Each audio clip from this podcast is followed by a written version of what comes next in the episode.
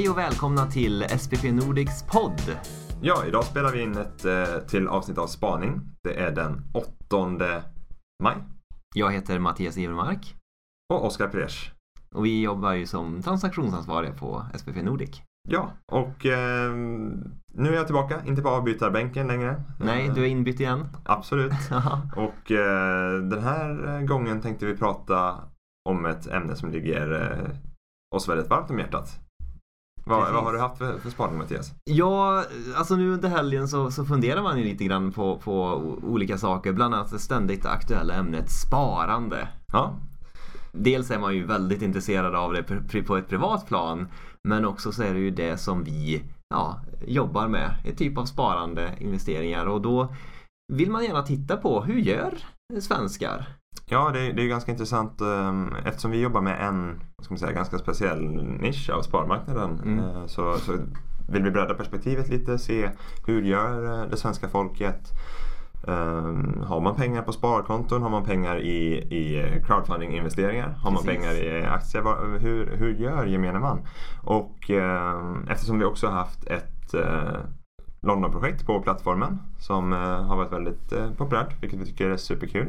Så tänkte vi jämföra lite med Storbritannien också. Hur Just ser det. ut eh, på den marknaden? Ja, du har ju kollat lite på hur det ser ut i Stor- Storbritannien. Ja. Man kan se några likheter eller skillnader där.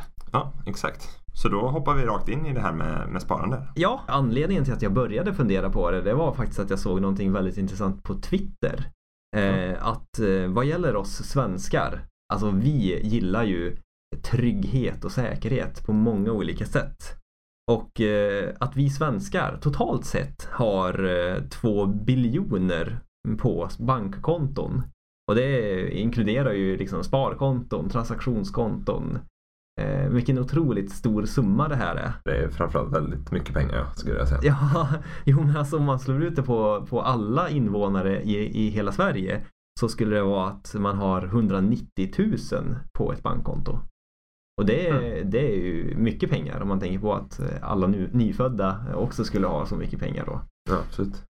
Eh, och egentligen om man, om man ställer det här i relation till hela också hushållens sparande som ligger någonstans på, på 13,3 eh, biljoner enligt SCBs eh, siffror från eh, 2018 så inser man också att det är en väldigt stor del av svenskars tillgångar det, som, som finns på bankkonton. Finns på bankkonton Ja, alltså. ja. Som egentligen bara sitter med den, den ränta som ges från, från banken idag. Mm, absolut. Mm. Alltså generellt sett så är vi i Sverige väldigt bra på att spara på olika sätt, olika tillgångar. Det vet jag, har varit, vi har varit inne på lite grann i tidigare poddar om att eh, i Sverige till exempel eftersom vi har så väl fungerande trygghetssystem uppbyggda i samhället så, så kan man också se en klar, vad ska jag säga, ett klart samband med att svenskar väljer att investera vitt och brett i aktier, aktiefonder, andra typer av eh, tillgångar. Eh, det här som är faktum idag, där är det dock lite svårt att, faktiskt föreställa sig hur det var för bara ett par decennier sedan. Eh, I Sverige så har det ju historiskt sett varit få Eh, möjligheter till att spara pengar. Om man tänker egentligen den stora eh, etableringen av aktiefonder som fenomen i Sverige som visserligen har funnits sedan 50-talet. Eh, det slog inte igenom förrän på 80-talet egentligen och det var ju tack vare politiska incitament kan man säga. Det var då som allemansspar kom. Det vill säga om man sparade på allemanssparkonto eller allemansfonder så fick man dels göra avdrag i deklarationen mot sina inkomster och man fick också, ehm, ja, man behövde inte betala avkastningsskatt på de här sparade medlen under de första fem åren. Så att sammantaget med all den andra, ska vi säga, finansiella eh, eh lagstiftningen som gällde kring sparande, finansiella marknaden som släpptes fri mer på 80-talet så ledde det här till att man eh, i Sverige fick mycket mer möjligheter att kunna spara sina, in, sina intjänade pengar. Och det ser vi ju nu att jag skulle säga att det har blivit ganska trendigt att spara. I alla fall bland, bland unga personer. Det kan vi se i, i statistiken också. Att eh, hela 92 procent av de som är under eh, 25 år då Mm. har någon typ av eget sparande. Precis. Och tittar man tillbaks bara på, eh, egentligen blir väl det då generationen eh, före dem som du Mm. precis eh, berättade om där på, på 80-talet. Alltså kollar man på de som är över eh, 65 år Mm. så var det bara 32 procent av dem som hade börjat spara när de var 25 år. Ja, Hänger du ja. med där? Så idag, eh, de under 25 år, ja 92 procent har ett eget sparande. Mm. Men när eh, den äldre generationen som lever idag, när de var i den åldern så var det bara 32 procent som hade börjat spara Just i den åldern. Så de begick alltså sin spardebut mycket senare eh, för eh, faktiskt. Exakt, exakt. Och, och det kan man ju fundera då varför, eh, varför sparar vi så mycket nu, Mm, eh, mm. unga då? Och tittar man i statistiken, den absolut vanligaste anledningen till att unga sparar är för att spara till ett eget boende. Ja, just det.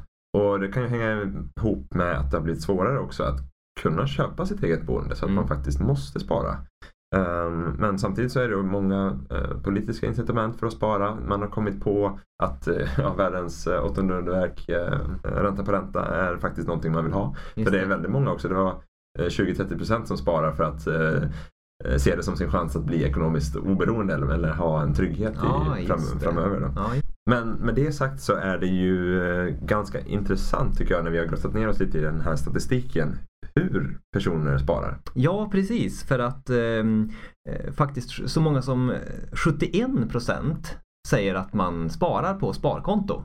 Det är ganska naturligt att man börjar där någonstans.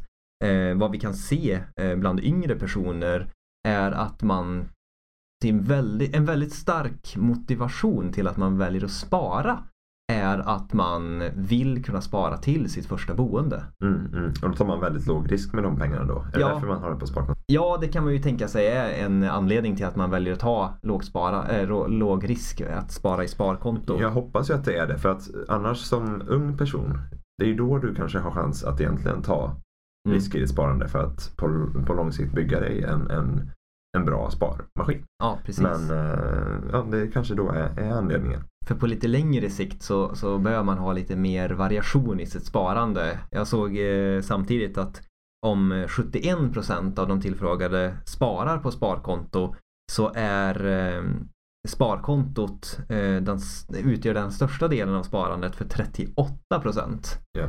Det innebär alltså att man har mycket mer spar, på sparkontot än i andra tillgångar. Och det är ganska intressant då att titta på Storbritannien. Ja. För om 92% av personer under 25 år i Sverige nu har ett eget sparande så eh, ser siffran lite annorlunda ut i Storbritannien. Där har man inte alls kommit lika långt som vi i Sverige har gjort. Det kanske har då med de här politiska eh, delarna att göra. Mm. Men kikar man där på de som är eh, mellan 22 och 29 år så har 53% av dem, alltså mer än hälften, varken sparande på sparkonto eller eh, ISA, alltså deras motsvarighet till investeringssparkonto. Då. Mhm. Så hälften av hela populationen har liksom inget eget sparande överhuvudtaget. Medan vi i Sverige är, är otroligt duktiga på, på eh, det här. Då. Mm. Men det finns ett ljus i den eh, tunneln som kanske är då ett bevis på att de är på väg dit där vi är. För det öppnas fler sparanden, eh, alltså sådana här investeringssparkonton för unga personer än någonsin tidigare. Ja. Den takten ökar ganska mycket och man har, eh, har em, implementerat flera olika eh, koncept i Storbritannien som hjälper unga med att ja, det finns något som heter Help to Buy. Ja, man kan få hjälp från staten för att köpa sitt första boende till exempel. Men Mm. då kräver det att man har ett eh, ISA, alltså ett motsvarande svenska investeringssparkonto. Ja, just det. Så det är också ett incitament till att börja spara Mm. och då kanske framförallt i sitt eget boende. Då.